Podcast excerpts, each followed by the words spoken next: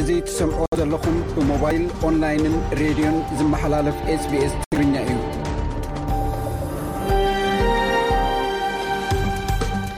ህዝቢ ትግራይ ኣብ ወሳኒ መድረኽ ይርከብ ክብል ዶክተር ደብረፅን ገብረ ሚካኤል ገሊጹ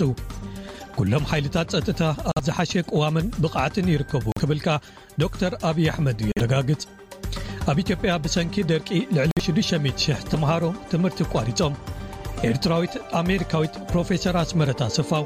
ዳይረክተር ሳይንስ ሕቡራት መንግስታት ኣሜሪካ ኮይና ዝብሉ ጸብጻባት ልኡኽና ንሎሚ ዝሓዝናዮም እዮም። ከመይ ኣምሲኹም ዝኸበርኩም ሰማዕትና። ካብዚ ካብ ስቱድዮ ስቤስ ሜልበርን ኣውስትራልያ ንሎሚ ሓሙስ ዓሰርተ ክልተ ግንቦት ክልተ ሽሕን ዕስራን ክልተን ዘዳለናዮም መደባት ሒዝና ቀሪብና ኣለና። ከባቢ ሓሙሽተ ሚእቲ ሽሕ ቅድሚ መዓልቲ ምርጫ ወይ ዕስራን ሓደን ግንቦት ክልተ ሽሕን ዕስራን ክልተን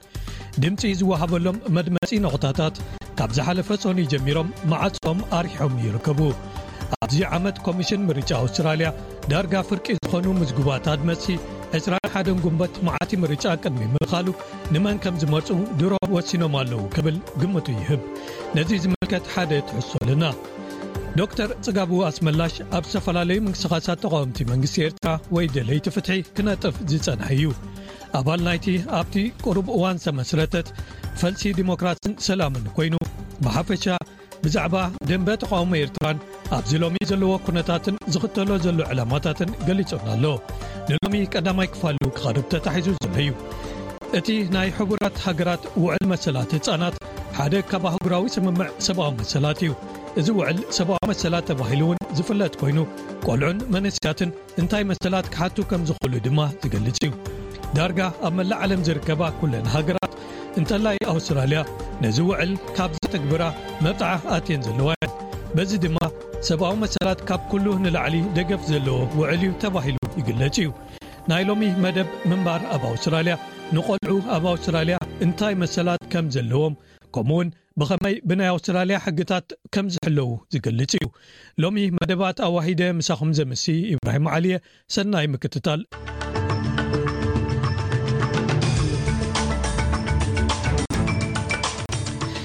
ቀንዲ ነጥብታት ዜና መራሒ ተቃዋሚ ሰልፊ ኣንቶኒ ኣልባኒዚ ናቱ ከም ቀዳማይ ሚኒስተር ምምራጽ ኣብ ኣውስትራልያ ንሕብረ ባህላውነት ሓደ ዓብዪ መልእኽቲ ክልእኽ እዩ ክብል ገሊጹ ገለ ክኢላታት ለበዳ ኮቪድ ገና ኣይተወደእን ኣብ ዝብልሉ ዘለዉ እዋን ተወሰኽቲ ሓምሳን ሓሙሽተን ሰባት ኣብ ኣውስትራልያ ብሰንኪ ኮቪድ መይቶም። ፈደራል ተሓዚ ሕሳብ ትሬዥረር ጆሽ ፍራይደንበርግ ንመራሕ ተቃዋሚ ሰልፊ ኣንቶኒ ኣልባኔዚ ናይ ቁጠባ ፖሊሲኡ እግረ መንገዱ እናኸደዩ ዘውፅኦ ክብል ከሲስዎ። ጋንታ ማንቸስተር ሲቲ ኣብ ግጥማት ፕሪምየር ሊግ ንወልቨርሃምተን ወንደረርስ ብገፊሕ ሓሙሽተ ብ ሓደ ብምስዓር ምስ ሊቨርፑል ዝነበራ ፍልልይ መሊሳ ተስፍሕ።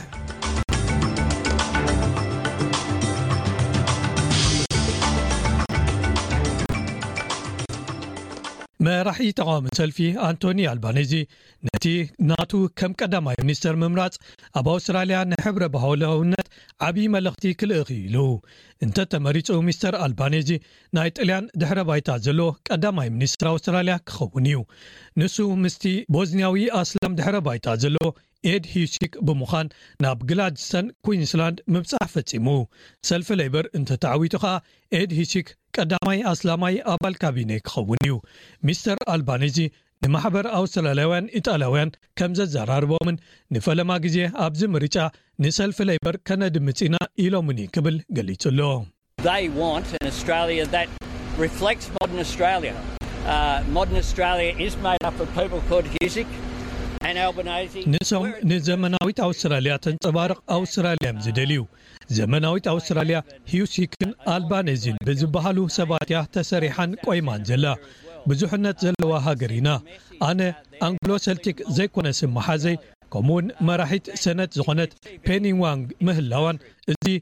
መልእኽቲ ዝሰድድ እዩ ኢለ ይሓስብ። ተስፋ ይገብር ከኣ ናብ ሕብረ ባህላዊት ኣውስትራልያ ኣብዛ ሃገር ኣብ ዝኾነ ክትበጽሕ ከም ዝከኣል መልእኽቲ ክሰድድ። ሚስተር ኣልባኒዚ ዝመጽእ ሰሙን ዓሰርተ ሸሞንተ ጉንበት ንማሕበረሰብ ኢጣልያ ማርኮኒ ኣብ ሲድኒ ክበጽሕ ኢሉ ኣሎ። ፈደራል ተሓዚ ሕሳብ ትረይዠረር ጆሽ ፍራይደንበርግ ንመራሕ ተቃዋሚ ሰልፊ ኣንቶኒ ኣልባነዚ ናይ ቁጠባ ፖሊሲዩ እግረ መንገዱ እናኸደ እዩ ዘውፅኦ ክብል ከሲስዎ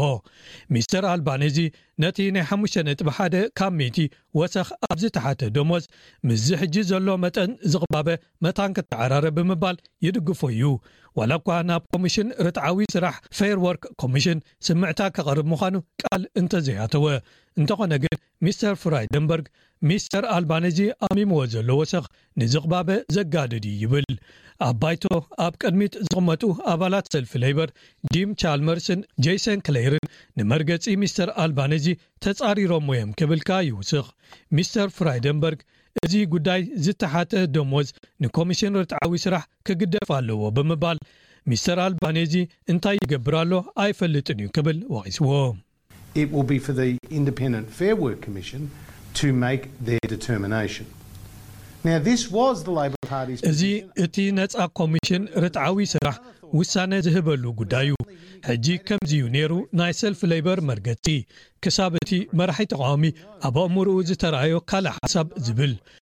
ሃንደበት ሓሙሽተ ነጥቢ ሓደ ካብ ሚእቲ ወሰኽ ክህሉ ቃል ምስ ኣተወ ማለት እዩ።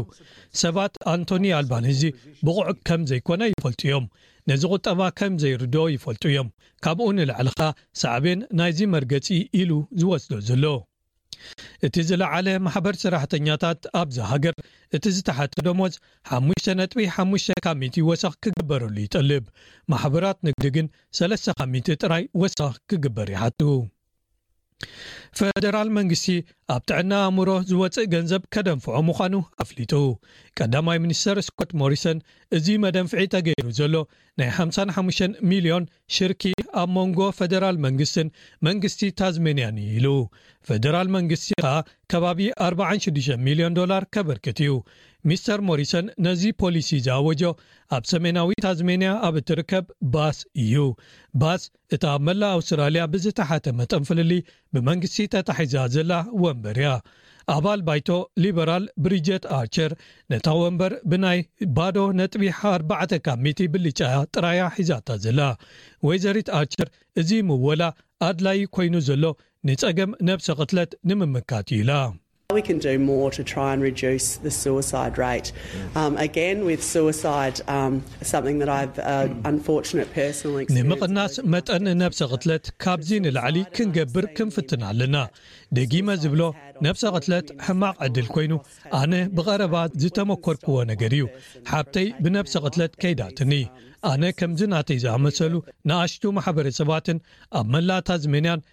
ዘስዕቦ ጽልዋ ብቐረባ ተመልኪቶ እየ።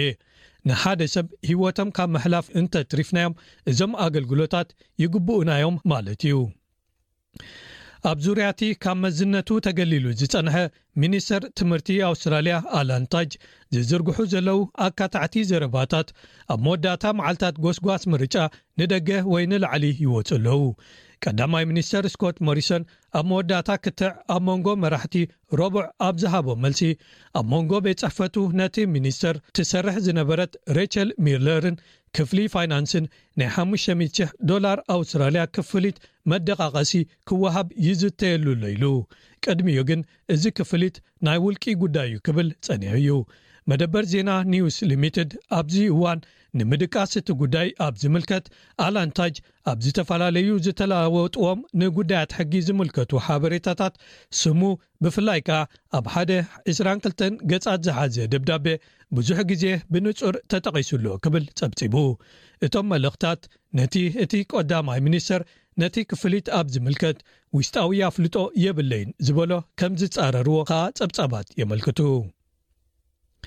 ካልእ ተወሰኽቲ ሓምሳን ሓሙሽተን ሰባት ኣብ መላእ ኣውስትራልያ ብምኽንያት ኮቪድ ዓሰርተ ትሽዓተ መይቶም። እዚ ዝመጽእ ዘሎ ክኢላታት እቲ ለበዳ ገና ኣይተወደእን ኣብ ዝብልሉ ዘለዉ እዋን እዩ ገለ ዓሰርተ ሓሙሽተ ሞታት ዝተረጋገጹ ካብ ናይ ሕጂ ኣሃዛት ቪክቶርያ ኮይኖም ኣብ ኒው ሳውዝ ዌልስ ከኣ ዕስራን ሰለስተን ሰባት ብሰንኪ እቲ ቫይረስ መይቶም ዌስተርን ኣውስትራልያ እታ ዝለዓለ ቁጽሪ ሓደስቲ መልከፍቲ ዘመዝገበት ኮይና፣ ዓሰርተ ሽዱሽተ ሽሕን ሽዱሽተ ሚእትን ሰብዓን በቲ ቫይረስ ዝተለኽፉ ሰባት መዝጊባ ኣላ። እዚ ከምዚ ኢሉ እንከሎ፣ ክሳብ ሕጂ ኣብ ዘሎ እዋን ልዕሊ ሓደ ሚልዮን ሰባት ብሰንኪ ኮሮናቫይረስ ኣብ ሕቡራት መንግስታት ኣሜሪካ ከም ዝሞቱ ሮይተርስ ጸብጺቡ። እዚ ኣሃዝ ካብ ነብሲ ወከፍ ሰለስተ ሚእትን ዕስራን ሸውዓተን ሰባት ሓደ ከም ዝሞተ ዘመልክት እዩ ይብሉ ጸብጻባት።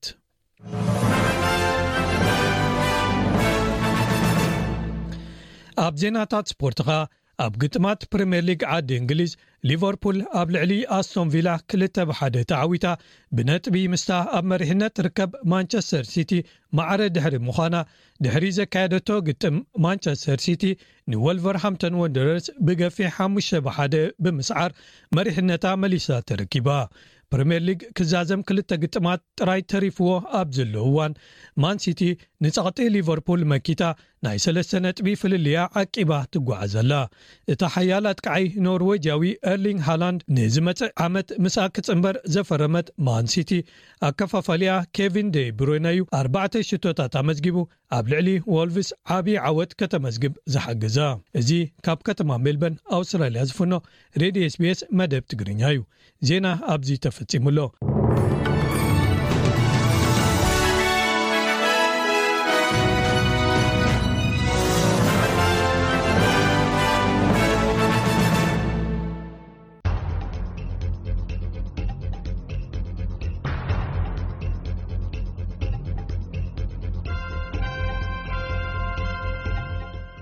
ከባቢ 500 ቅድሚ መዓልቲ ምርጫ ማለት 21 ጉንበት 222 ድምፂ ዝውሃበሎም መድመፂ ኖቕታታት ካብ ዝሓለፈ ሶኒ ጀሚሮም መዓፆ ማሪሖም ኣለዉ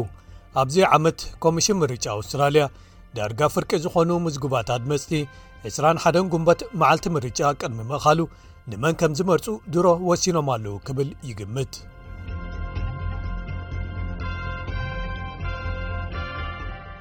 ጎስጓሳት ምርጫ ንፖለቲከኛታት ብፍላይ ስራሕ ዝበዝሕሎም እዋናት እዮም ግን በብእዋኑ እቶም ከድምፁ ዝተመዝገቡ ኣድመፅቲ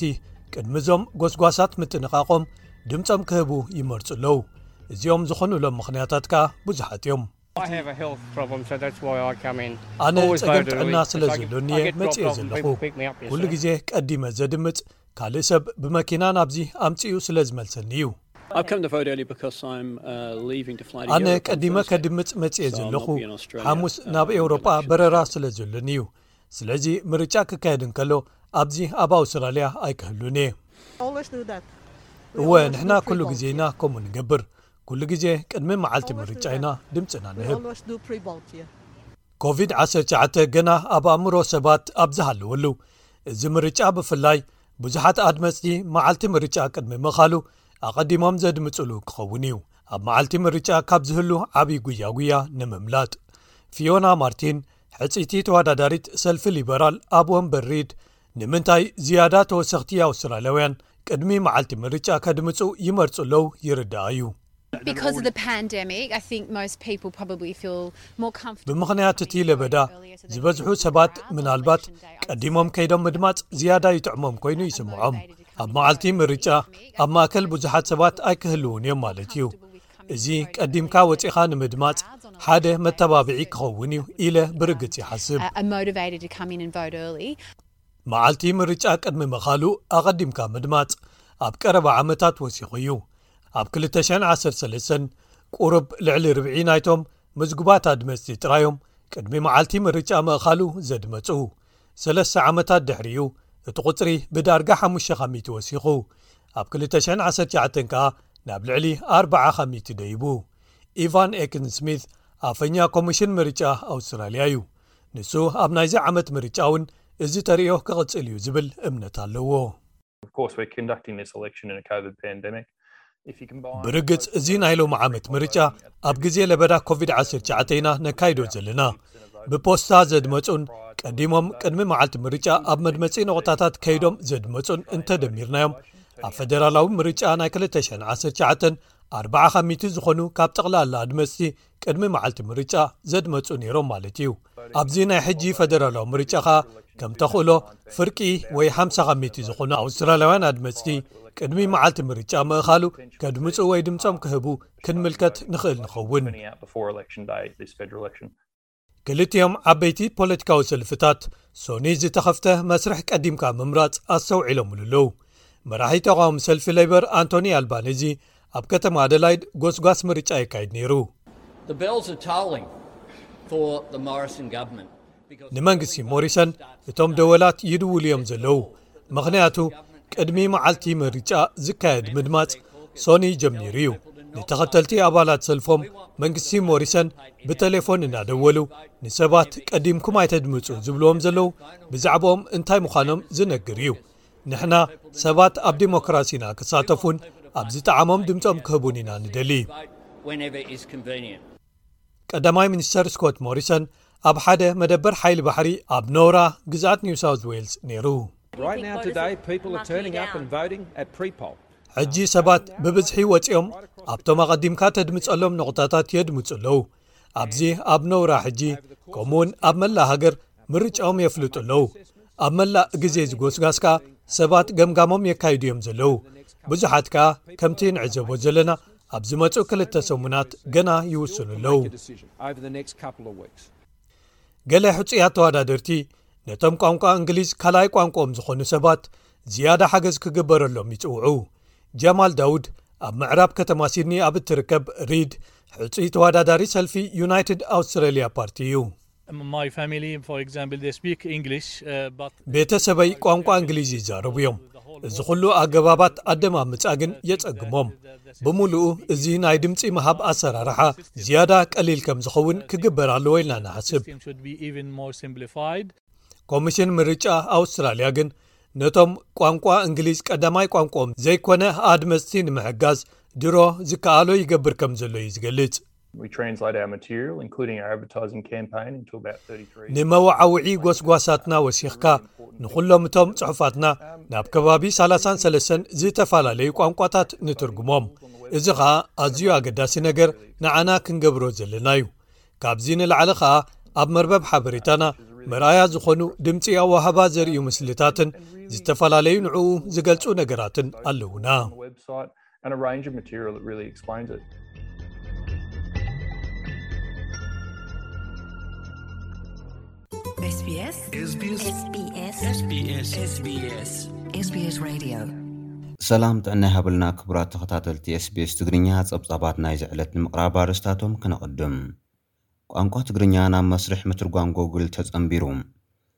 መራሕቲ ትግራይን ኢትዮጵያን ናብ ሳልሳይ ዙርያ ኲናት ከምዝኣትዉ ዘመላኽቱ መግለፅታት ይለዋወጡ ኣለዉ።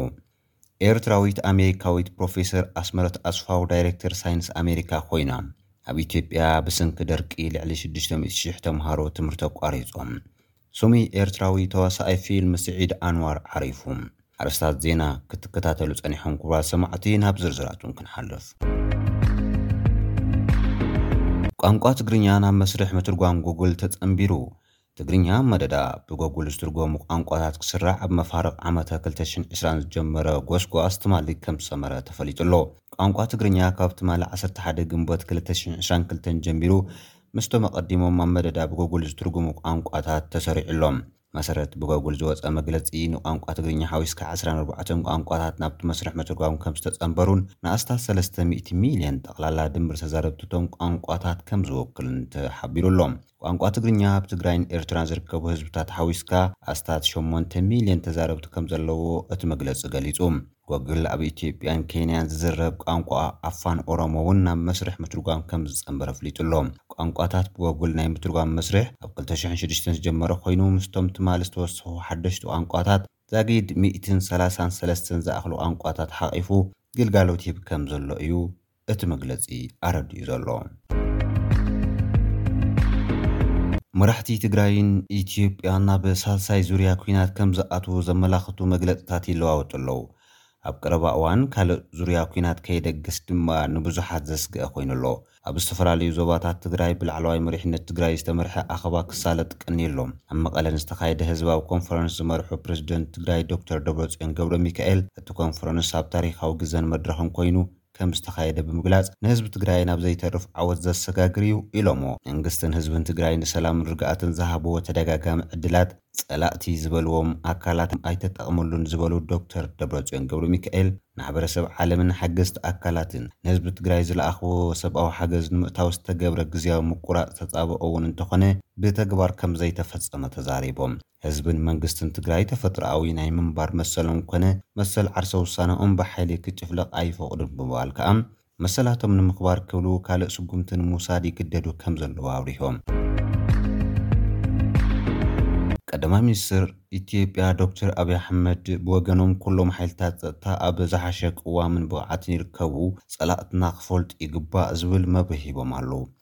እቶም ቀዳማይ ሚኒስትር ኣብ ባህርዳር ኣብ ዝተኻየደ መደብ ምሃብ ኣፍልጦ ኣብ ኲናት ትግራይ ዝተሰውኡን ዝሰንከሉን ሓይልታት ፀጥታ ክልል ኣምሓራ ተረኺቦም ኣብ ዝሃብዎ መብርሂ ሓይልታቶም ዋሕስ ሰላምን ህልውናን ኢትዮጵያ ዝኸውን ዓቕሚ ከምዘጥረዩ ተዛሪቦም። ብኹልቲኡ ገፅ ኣብ ከቢድ ወታደራዊ ስልጠናታትን ታዕሊምን ተፀሚዶም ዝፀንሑ ክልቲኦም ኣካላት፣ ሕጂ ሳልሳይ ዙርያ ኲናት ንምውላዕ ይዳለዎ ኣለዎ ዝብል ኣብ ብዙሓት ሰባት ሻቕሎት ፈጢሩ ይርከብ።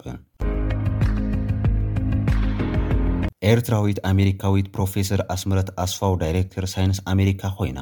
ሰኔት ኣሜሪካ ብቕድሚ ትማል ኣብ ዘካየዶ ኣኸባ ንኤርትራዊት ኣሜሪካዊት ፕሮፌሰር ኣስመረት ኣስፋው በርሀ ዳይሬክተር ቤት ጽሕፈት ሳይንስ ኣብ ፌደራላዊ ክፍሊ ጸዓት ኣሜሪካ ክትከውን ኣጽዲቑ ኣሎ። ኣብ ሚያዝያ ክልተ ሽሕን ዕስራን ሓደን ነቲ መዝነት ብፕረዚደንት ባይደን ዝተረቝሐት ፕሮፌሰር ኣስመረት፣ ኣብቲ ፍቕሪ ትማሊ ዝተኻየደ ድምጺ ሰነድ ሓምሳን ኣርባዕተን ርብዓን ሓሙሽተን ድሕሪ ምቝጻሩ ነቲ መዝነት ከም ዝበቕዐት ድምጺ ኣሜሪካ ጸብጺቡ ኣሎ። ኣብ ዩኒቨርሲቲ ካሊፎርንያ መርሰድ መምህርን ተመራመሪትን ኰይና ክተገልግል ዝጸንሐት ፕሮፌሰር ኣስመረት፣ ግዝያዊት ኣተሓባባሪት ዲን ናይቲ ኮለጅ ትምህርቲ'ውን ኰይና ከም ዝጸንሐት'ዩ ሓቢሩ። ኣስመረት ካብ ዩኒቨርሲቲ ኣስመራ ብስነ ሓመድን ከባብን ዝተመረቐት ምዃና እውን ገሊጹ ኣሎ። ኣብ ክፍሊ ጸዓት ዳይሬክተር ቤት ጽሕፈት ሳይንስ ኣሜሪካ ኮይነ ብፕረዚደንት ባይደን ምምዛዘይ ሕጂ ድማ ብሰነት ኣሜሪካ ምጽዳቑን ንዓይ ዓብዪ ክብሪ እዩ ክትብል ከኣ ዝተሰመዓ ታሕጓስ ብትዊተር ገሊጻ'ላ። ንፕረዚደንት ባይደን፣ ንጸሓፊት ጸዓት ጀኒፈር ግራንሆልምን ንዝቕጽል ዕዉት ምዕራፍ ቤት ጽሕፈት ሳይንስ ንኽመርሕ ኣባይ እምነት ብምንባሮም ከመስግኖም እደሊ ክትብል እውን ምስግናኣ ገሊጻ'ላ። ፕረዚደንት ባይደን ንጸለምቲ ደቂ ኣንስትዮ ኣሜሪካ ላዕለዋይ መዝነት ንምምዳብ ዝኣተውዎ ቃል ኣብ ምፍጻም ከም ዝርከቡ'ዩ ዝግለጽ። ኣብዚ ቀረባ እዋን ጸሓፊት ፕረስ ቤት ጽሕፈቶም ንፈለማ እዋን ጸላም ጓል ኣንስተይቲ ከም ዝኾነት ዝፍለጥ'ዩ። ኣቐዲሙ'ውን ፈለማ እዋን ጸላም ጓል ኣንስተይቲ ዳኛ ላዕለዋይ ቤት ፍርዲ ክኾና ንኬታንጂ ብራውን ጃክሰን ምሻሞም ዝዝከር'ዩ። ፕረዚደንት ባይደን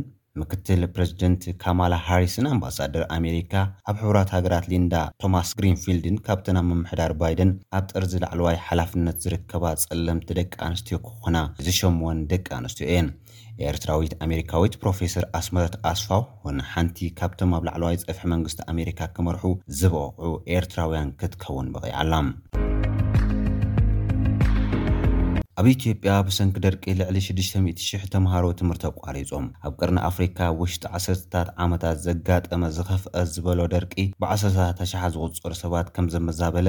ብኣማኢት ዝቑጸሩ ኣብያተ ትምህርቲ ኣዕንዩ ልዕሊ ሽዱሽተ ሚእቲ ሽሕ ተምሃሮ ካብ ትምህርቶም ከምዝኾለፈ ውድብ ሕቡራት ሃገራት ኣፍሊጡ'ሎ። እቲ ዓጸቦ ንምቅላል ከኣ ትካል ህጻናት ኣድሕን ሴቭ ዘ ችልድረን ንብረቶም ዝዓነዎም ስድራቤታት ኣብ ዝነብሩሎም መዕቖቢ ቦታታት ተምሃሮ ኣብ ክፍልታት ንክራኸቡ ንምሕጋዝ ማእኸላት ተሃኒፀን ናብ ስራሕ ክኣትዋ ይሰርሕ ከምዘሎ ሓቢሩ ኣሎ። እቲ ፃዕሪ ነቲ ኣጋጢሙ ዘሎ ዓፀቦ ከቃልል ድማ ትፅቢት ተገይርሉ ይርከብ።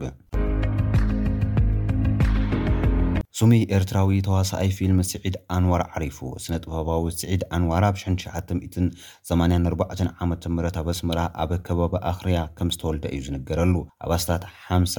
ፊልምታት ኤርትራ ከም ዝተዋስኣ እውን ተገሊጹ ኣሎ። ንዓውዲ ስነጥበብ ድራማ ብቤት ትምህርቲ ዝጀመረ ስዒድ ኣብ ማሕበር መንእሰያት እውን ነቲ ዝነበሮ ክቱር ባህጊ ከም ዘማዕበሎ ኣቐዲሙ ኣብ ዝሃቦ ቃለ መሕትት ተዛሪቡ ነይሩ። ኣብ ክልተ ሽሕን ሰለስተን ዓመተ ምህረት ካብ ድራማ ናብ ፊልም ምስ ተሰጋገረ ነውጸ እትብል ፊልም ንፈለማ እዋን ከም ዝተዋስኣ ዝገለጸ ስዒድ ዝበለጸ ከኣ ኣብታ መበል ሚእትን ዕስራን ኣርባዕተን ክፋል በጺሓ ዘላ ብኤሪ ቲቪ እትቐርብ ተኸታታሊት ፊልም ማያጨሎ እዩ ዝፍለጥ። ኣቐዲሙ'ውን ኣብታ ካብ ታሕሳስ ክልተ ሽሕን ዓሰርተ ሸውዓተን ዓመተ ምህረት ጀሚራ ክሳብ ሚያዝያ ክልተ ሽሕን ዓሰርተ ትሽዓተን ዝቐጸለት ስሳን ሸውዓትን ክፋላት ዝነበራ ብምኒስትሪ ምክልኻል ዝተዳለወትን ኣብ ኤሪ ቲቪ ዝተቓልሐትን ንጣብ ዝኽሪ ዘመን እትብል ድራማ ተዋሲኡ ነይሩ እዩ። ስዒድ ካብ ኤርትራ ወጻኢ ብዝነበሮ ሞያ ንሃገሩ ወኪሉ ኣብ ኣህጉራዊ መድረኻት ንምስታፉ ዓቢ ሕልሚ ዝነበሮ ምንባሩ ዝፍለጥ'ዩ። ትማሊ ከኣ ብሃንደበት ከም ዝዓረፈ ተሰሚዑ ኣሎ። ክቡራት ተኸታተልቲ SBS ትግርኛ ጸብጻባት ናይዚ ሰዓት ነዚኣቶም ይመስሉ ነይሮም። ሰላም በብዘለኹሞ። You're with SBS Radio. ሰማዕትና ሰማዕቲ ረድዮ ስቤስ ሎሚ ዕዱምና ዶክተር ፅጋብ ኣስመላሽ ካብ ኣሜሪካ ኣብ ዝተፈላለየ ዓውዲ ብፍላይ ፖለቲካ እውን ይነጥፍ እዩ ቅሩብ ብዛዕባ ድሕሪ ባይትኡ ገለ ክብለና እዩሞ ናብቲ ኣዳልዮ ዘለኩ ሕቶታት ክንከይዲ ኢና ይቀኒለይ ዶክተር ፅጋብ እስኪ ምናልባት ዘይፈልጡ ከተልዮም መን እዩ ዶክተር ፅጋብ ንዝብል ኣብቲ ትነጥፎ ነገራት እውን ከተላለየና እሞ ናብቲ ካልእ ሕቶታት ክንሰግር ሓራይ የቀኒለይ በየነ and ሬድዮ ኤስቢኤስ ነዚ ጠቅም ኸውን ሓበሬታ ይህልዎ ኢልኩም ስለ ዝዓደምኩምኒ የኽብረኩም የመስግነኩም ከዓ ሽመይ ፅጋቡ ኣስመላሽ ይበሃል መቐማጠይ ኣብ ሕቡራት መንግስታት ኣሜሪካ ርእሰ ግዝኣት ሜሪላንድ ከባቢ ዋሽንግተን ዲሲ ማለት እዩ ሕፀ ዝበለ ድሕሪ ባይታይ ኣነ ኣብ ኤርትራ ኣብ ከረን ተወሊደ ኣብ ኢትዮጵያ ዓብየ ኣብ ኢትዮጵያ ዩኒቨርሲቲ ወዲኤ ናብ ኤርትራ ብትስዓን ኣርባዕተን ተመሊሰ ስጋብ ትስዓን ትሽዓተን ስራሕ ኣብ ናይ ዕደና ስራሕ ሰርሕ ነይረ ድሕሪኡ ናይ ድሕረ ትምህርቲ ንምቕፃል ናብ ሆላንድ ካብ ሆላንድ ከዓ ናብዚ መፅኤ ትምህርተይ ቀፂለ ማለት እዩ ትምህርተይ ኣብ ስነ ምድሪ ኮይኑ ብፍላይ ከዓ ኣብ ከባባዊ መፅናዕቲ ኤንቫይሮንመንታል ሳይንስ የፅንዕ ማለት እዩ ብካልእ ከዓ ኣብ ኔትወርኪንግ ኣብ ኣይቲ ከዓ ሰርሕ መብዛሕትኡ ግዜ ኣብ ፖለቲካዊ ከይዲ መቸስ መጀመርታ ምስ በዓል ኤምዲኤችኣር ህምድሰመ ኣብ ሳውዝ ኣፍሪካ ዝተመስረተ ናይ መንእሰያት ግሩፕ ብርሑቕ ሰርሕ ነይረ ደሓር ግን ብኢዋይሲ ኢዋይጂኤም ኢዋይኤስሲ ዝበሃሉ ናይ መንእሰያት ግሩፓት ኣብ ኣሜሪካን ኣብ ከባቢ ኣብ ዓለምን ኣብ ሰርሑ ዝነበሩ ሰርሕ ፀኒሐ 211 ጀሚረ ኣብ ዓርቢ ሓርነት ብዙሕ ይሳተፍ ነይረ ኣለኹ ስጋብ ሕጂ እውን ኣብኡ ይሳተፍ ኣለኹ ማለት እዩ ኣብዚ እዋን እዚ 218 ኩነታት ናይ ከባቢና ምስ ተቐየረ እውን ብዙሕ ካብዘይ ዝፈርሑ ነቲ ነገራት ኩነታት ሲ ፈሪሖም ታሽም ደበሉ ትንሳኤ ዝብል ድሓር ከዓ እዚ ይኣክል ዝብል ግሩፕ ምምስራት እውን ዝተሳተፍኩ እየ ሕጂ ከዓ ኣብዚ ምፍልያት ናይ ኤርትራውያን ውድባት ዝኾኑ ውልቀ ሰባት ብዙሕ ስለ ዘተሓሳስበኒ ፈልሲ ግን ንኩሉ ናይ ምሕቋፍ መደብ ኣውፅኣ ምስ ብዙሓት ውልቀ ሰባት ተዛሪብና ምስ ተጀመረት ከዓ ምስኣውን እነጥፍ ኣለኹ ማለት እዩ ኣብዚ እዋን እዚ ምስ ፈልሲ ዲሞክራሲን ሰላምን ዲሞክራሲን ኤርትራ ይነጥፍ ኣለኹ ኣብ ይኣክሉን ኣብ ሎካል ኣብ ኣሜሪካ ንሳተፈ ከኣ መቸም እዚ ናትካ ብፍላይ ኣብቲ ፖለቲካዊ ንጥፈታት እቲ ዝሓለፍካዮ ነፀብራቅ ናይቲ ተቃውሞ ኣብ ተቃውሞ ደንበ ዘሎ ናይ ኤርትራውያን ፖለቲከኛታት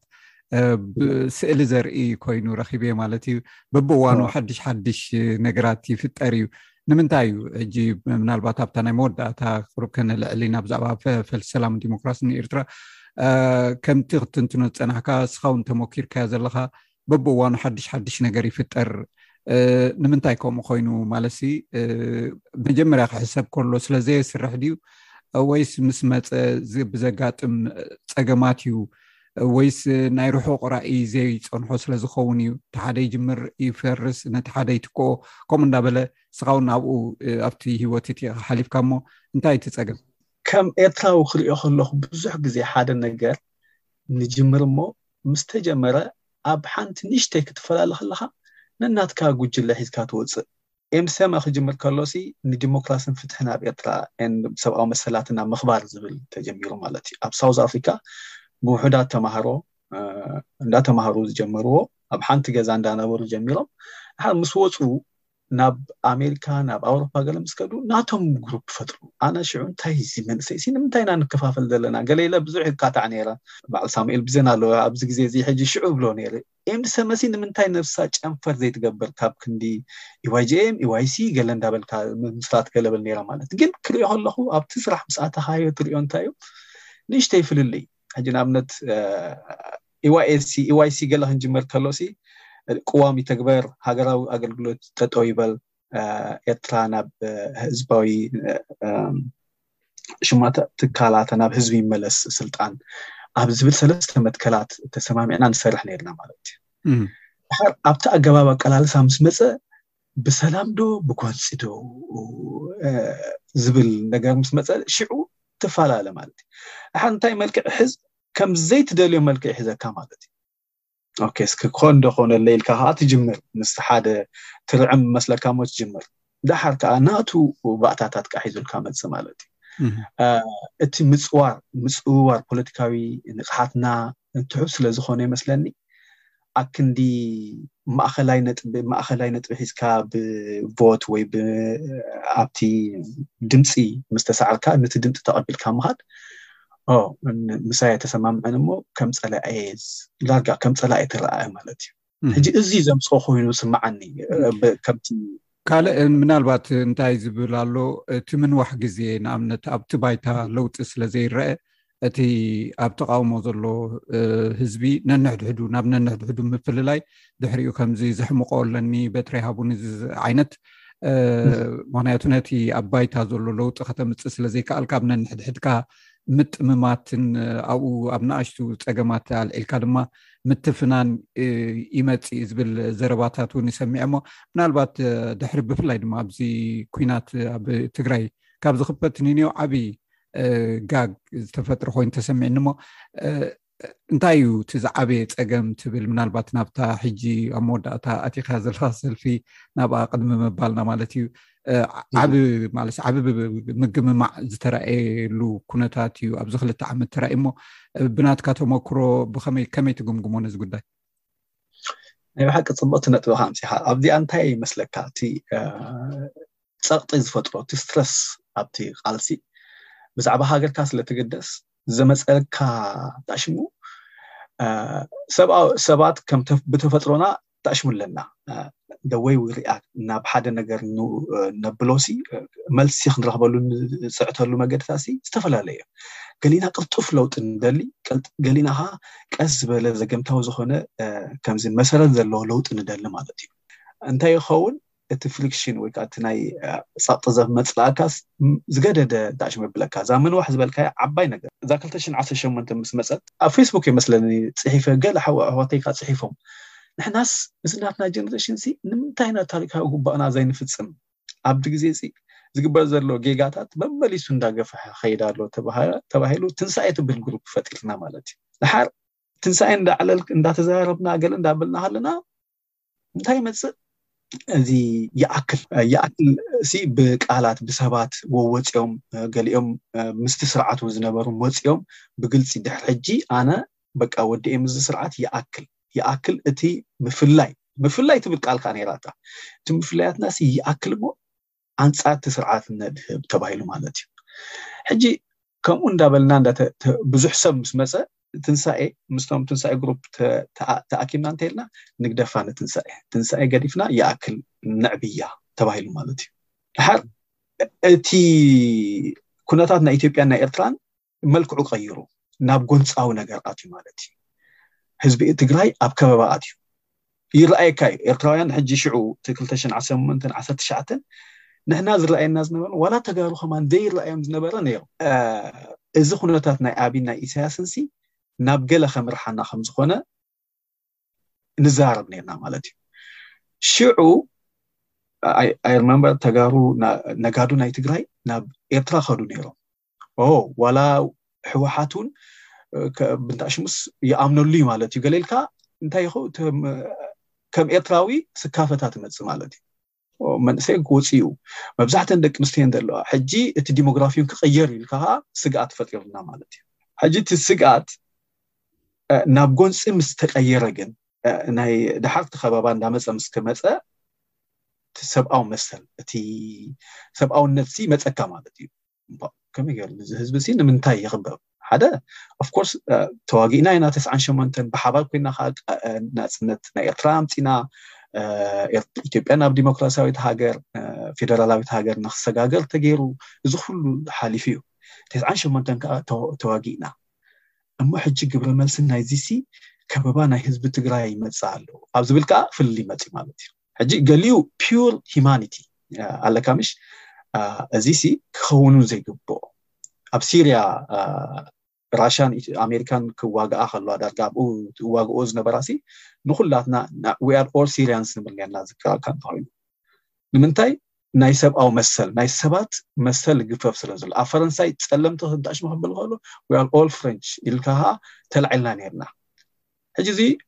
ኣብጎ ጎደቦና ክመጽእ ከሎ ግን ዝገደደ እንተ ኣሽም ቢልና ገለ ገለ ኤርትራውያን ግን እንታይ ተራእይዎም እቲ ናይ ተስዓን ሸሞንተን ዝነበረ ኩናት ንዕኡ ዘምፅኦ ምስጓግ ኤርትራውያን ምርሳይ ኤርትራውያን ንብረት ናይ ኤርትራውያን ኣብ ኢትዮጵያ እዚ ኩሉ ዝፈጠሮ ከዓ እንታይ ኮይኑ ኣብ መንጎ ደላይ ለውጢ ጋብ ፈጢሩ ማለት እዩ ሕጂ ኣብ መንጎ እንታይ ክኸውን ኣሎ ንሕና ኣብ መዓስከር ኤርትራውያን ኣለውና እቲ ብዓብዩ ከዓ እቲ ሸውዓተ ሸሞንተ ሚልዮን ህዝቢ ትግራይ ከዓ ኣብ ፀበባ ኣትዩ ምግቢ ኣይወሃቦ ካብ ዓለም ተበቲኹ ብኤሌክትሪክ ብማይ ብኩሉ ኮታ እዚ ከዓ ኣብ መንጎና ፍልለይ ኣምፅዩ ማለት እዩ ሕራይ ማለት ኣብኡ እቲ ምፍልላይ እንዲና ዘለና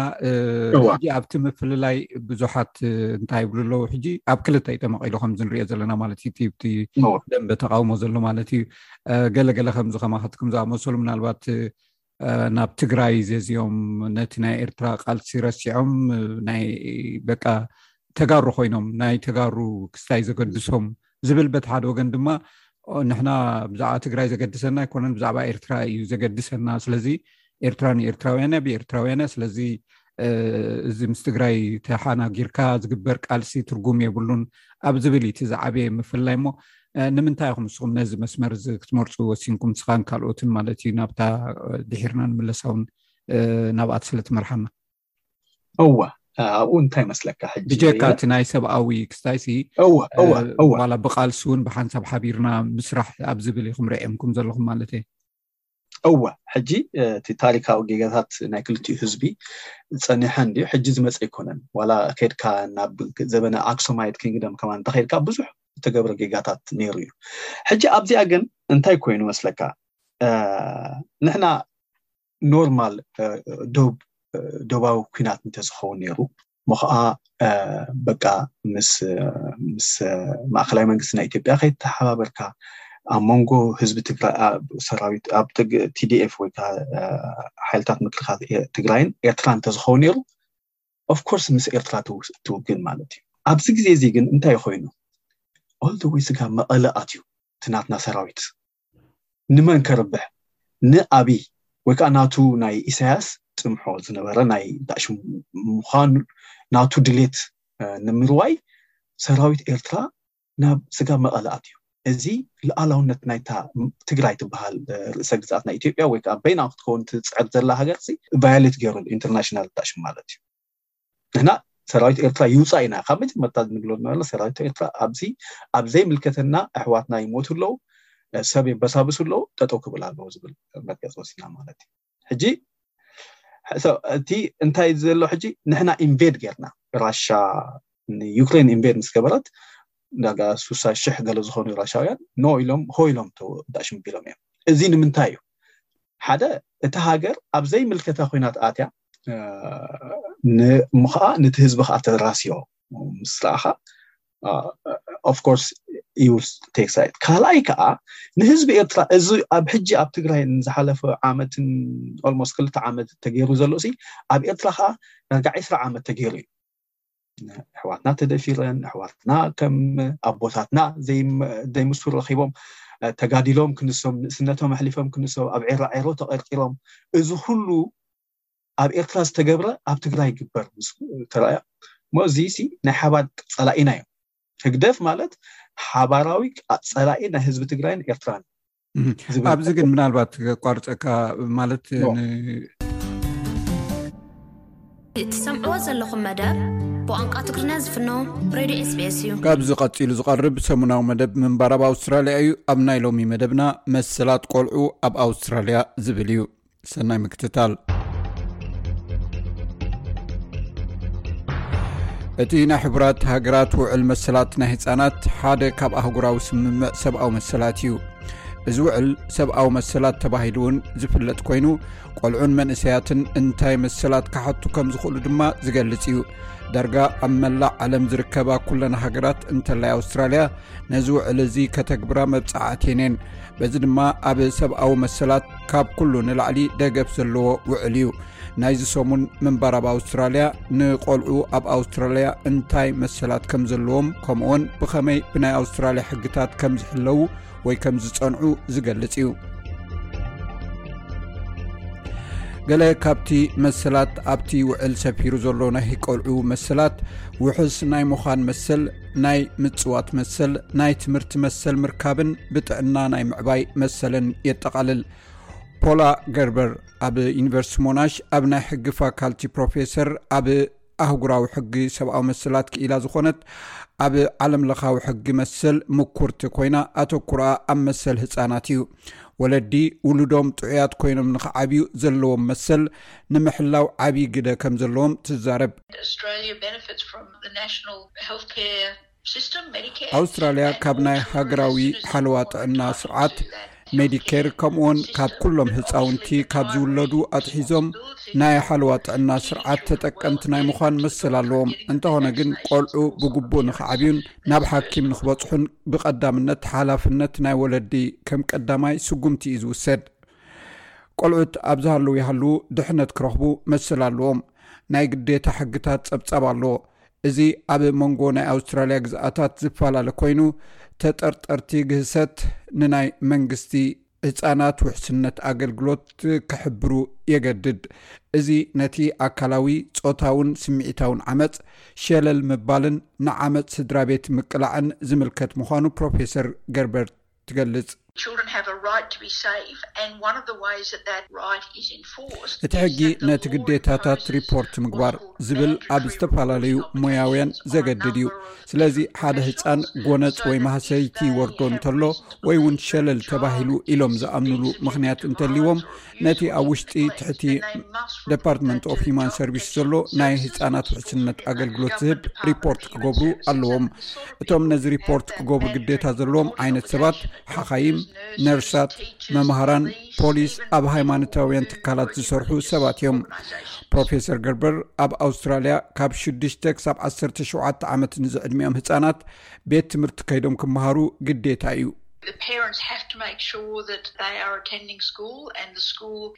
ወለዲ ኣብ ቤት ትምህርቲ ከም ዝመሃሩ ክገብሩ ኣለዎም፣ እቶም ቆልዑ ኣብኡ ከም ዘለዉ ድማ ከረጋግፁ ኣለዎም። ስለዚ ናይ ቀዳማይ ደረጃ ኣብያተ ትምህርቲ ቆልዑ ኣብ ቤት ትምህርቲ ከም ዘለዉ ምክትታል ግቡእ ኣለዎም። ኣብ መዓልቲ ክልተ ግዜ ከም ዘለዉ ምርግጋፅ ይግባእ።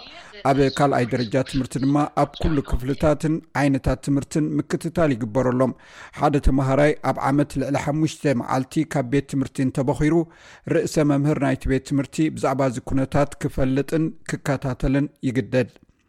ፕሮፌሰር ገርበር ኣብ ዓመት ኣስታት 2ስራ ሽሕ ዝኾኑ ቆልዑ ብወለዶም ኣብ ገዝኦም ኮይኖም ዝመሃሩ ከም ዘለዉ ትገልፅ እንተኾነ ግን ፍቓድ ክወሃቦም ክሓቱን ከምኡውን ንክፍሊ ትምህርቲ በብግዜኡ ምዕባለ ትምህርቶም ጸብጻባት ክቐርቡ ይግደዱ። ኣብ ኣውስትራልያ ህጻናት ዕድሚኦም ዓሰርተ ሓሙሽተ ዓመት ክሳብ ዝመልኡ ኣብ ዝኽፈሎ ስራሕ ምስራሕ ኣይፍቀድን። ኣብ ናይ ስራሕ ሃዋህው ብዛዕባ ዝምዝመዙ ህጻናት ኣዝዩ ንጹር ዝኾነ ሕግጋት እዩ ዘለና። እቲ ሕጊ ከም ዝብሎ እቲ ቆልዓ ኣብ ስራሕ ክዋፈር ዝኽእል ኣብ ዕድመ ዓሰርተ ሓሙሽተ ዓመት እዩ ኣብ ገለ ፍሉይነት ኣብ ምብፅፃሕ ጋዜጣታት ወይ ኣብ ናይ ዓውደ መዘናግዒ ዓውዲ ምስራሕ ካልእ ፍሉይ ዝኾነ ነገራት እውን ኣሎ ምክንያቱ ኣብኡ ቆልዑት ዝሳተፍዎ ፊልምታትን ናይ ትያትራትን እውን ኣሎ ካብ ዓሰርተ ሓሙሽተ ክሳብ ዓሰርተ ሸሞንተ ዓመት ዝዕድሚኦም ቆልዑ ኣብ መዓልቲ ካብ ሰለስተ ሰዓት ንላዕሊ ወይ ኣብ ሰሙን ልዕሊ ዓሰርተ ክልተ ሰዓታት ኣብ እዋን ትምህርቲ ክሰርሑ ኣይፍቀደሎምን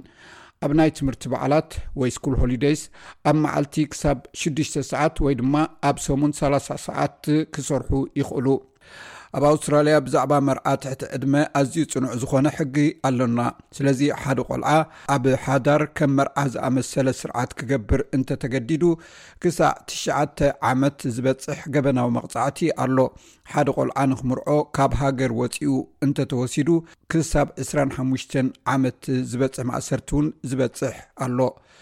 ትሕቲ ዓሰርተ ሸሞንተ ዓመት ዝዕድሚኦም ክልተ ሰባት ክምርዓው እንተደልዮም ካብ ወለዶም ፍቓድን ካብ ቤት ፍርዲ ፍቓድን ክረኽቡ ኣለዎም እቲ ቤት ፍርዲ ኣብ ፍሉይ ወይ ፍልይ ብዝበለ ኩነታት ጥራይ እዩ ፍቓድ ዝህብ ዶክተር ፌዝ ጎርደን ኣብ ኣውስትራልያ ናሽናል ዩኒቨርሲቲ ኮሌጅ ኦፍ ሎው ዲን ናይ ምርምር ጉጅለ እዩ ኣውስትራልያ ኣብ ሽ990ን ውዕል ናይ ውድብ ሕቡራት ሃገራት መሰል ህፃናት ፈሪማ እንተኾነት ሕጊ ካብ ክፍለ ግዝኣት ናብ ክፍለ ግዝኣት ይፈላለ እዩ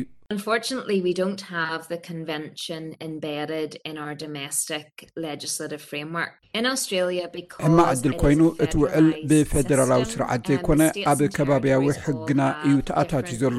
ምምሕዳር ግዝኣታትን ቶሪቶሪታትን ምስ ሓለዋ ህፃናት ምስ ፍትሒ መንእስያት ዝምልከት ምስ ዝተፈላለዩ ሕግታት ተዛሚዶም እዮም ዝቐርቡ ንኣብነት ኣብ ኒው ሳውት ወልስ ንዘይነብር ቆልዓ ወይ ንሓደ መንእሰይ ዝምልከት ነገር ኣብ ቪክቶርያ ከይሰርሕ ይኽእል እዩ ፕሮፌሰር ገርበር ከም ትብሎ ኣውስትራልያ ንቆልዑ መሰላትን ብዛዕባ ዝግብኦም ሓልዋን ብንፁር ዘውፅእ ሕግታት የድልያ እዩ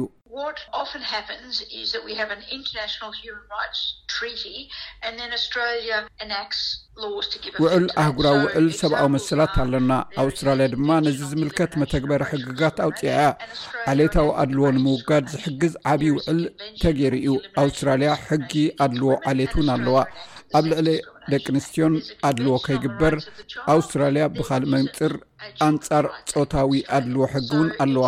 ኣብ ኣውስትራልያ ናይ ቆልዑ መሰላት ዝምልከት ውዕል እውን ኣሎ ኣብ ኣውስትራልያ ካብ ዕድመ ዓሰርተ ዓመት ቆልዓ ኣትሒዙ ኣብ ትሕቲ ቀይዲ ክኣቱ ክሲ ክቐርበሉ ኣብ ቤት ፍርዲ ቀሪቦም ክእሰሩ ይኽእሉ እዮም ፕሮፌሰር ጎርደን ኣብ ኣውስትራልያ ዘሎ ዝተሓተ ዕድመ መኽሰሲ ገበን ምስ ካልኦት ሃገራት ክንጻጸር ከሎ ኣዝዩ ትሑት ምዃኑ ይገልጽ።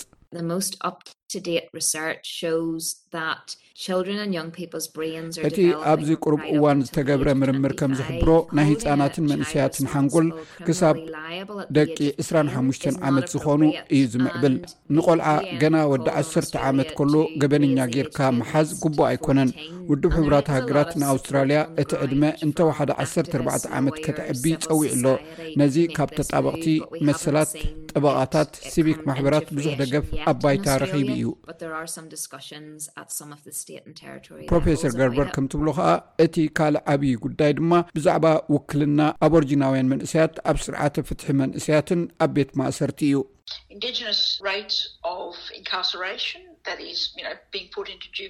ብዝሒ እሱራት ደቀባት ኣዝዩ ልዑል እዩ ስለዚ ኣቦርጅናውያን መንእሰያት ማለት ካብ ዓሰርተ ክሳብ ዓሰርተ ሸውዓተ ዓመት ዝዕድሚኦም ሽዱሽተ ሚታዊ ካብ መላእ ህዝቢ ክኾኑ ከለዉ ኣብ ማእከላት መእሰሪ መንእሰያት እንተርኢኻ ግን ካብቶም ተኣሲሮም ዘለዉ እቶም ሓምሳን ሽዱሽተ ሚታዊ ካብዞም ክፋል ሕብረተሰብ እዮም ኣብ ቤት ፍርዲ ዝቐርብ ዝተፈላለየ መደባት ፅቡቕ እኳ እንተኾነ ዝያዳ ገንዘብ ግን ከም ዘድሊ ፕሮፌሰር ገርበር ትሕብር ፕሮፌሰር ጎርደን ኣብዚ መዳይ እዚ ዝያዳ ኣሳልጦን ደገፍን ከም ዘድሊ እውን ይገልፅ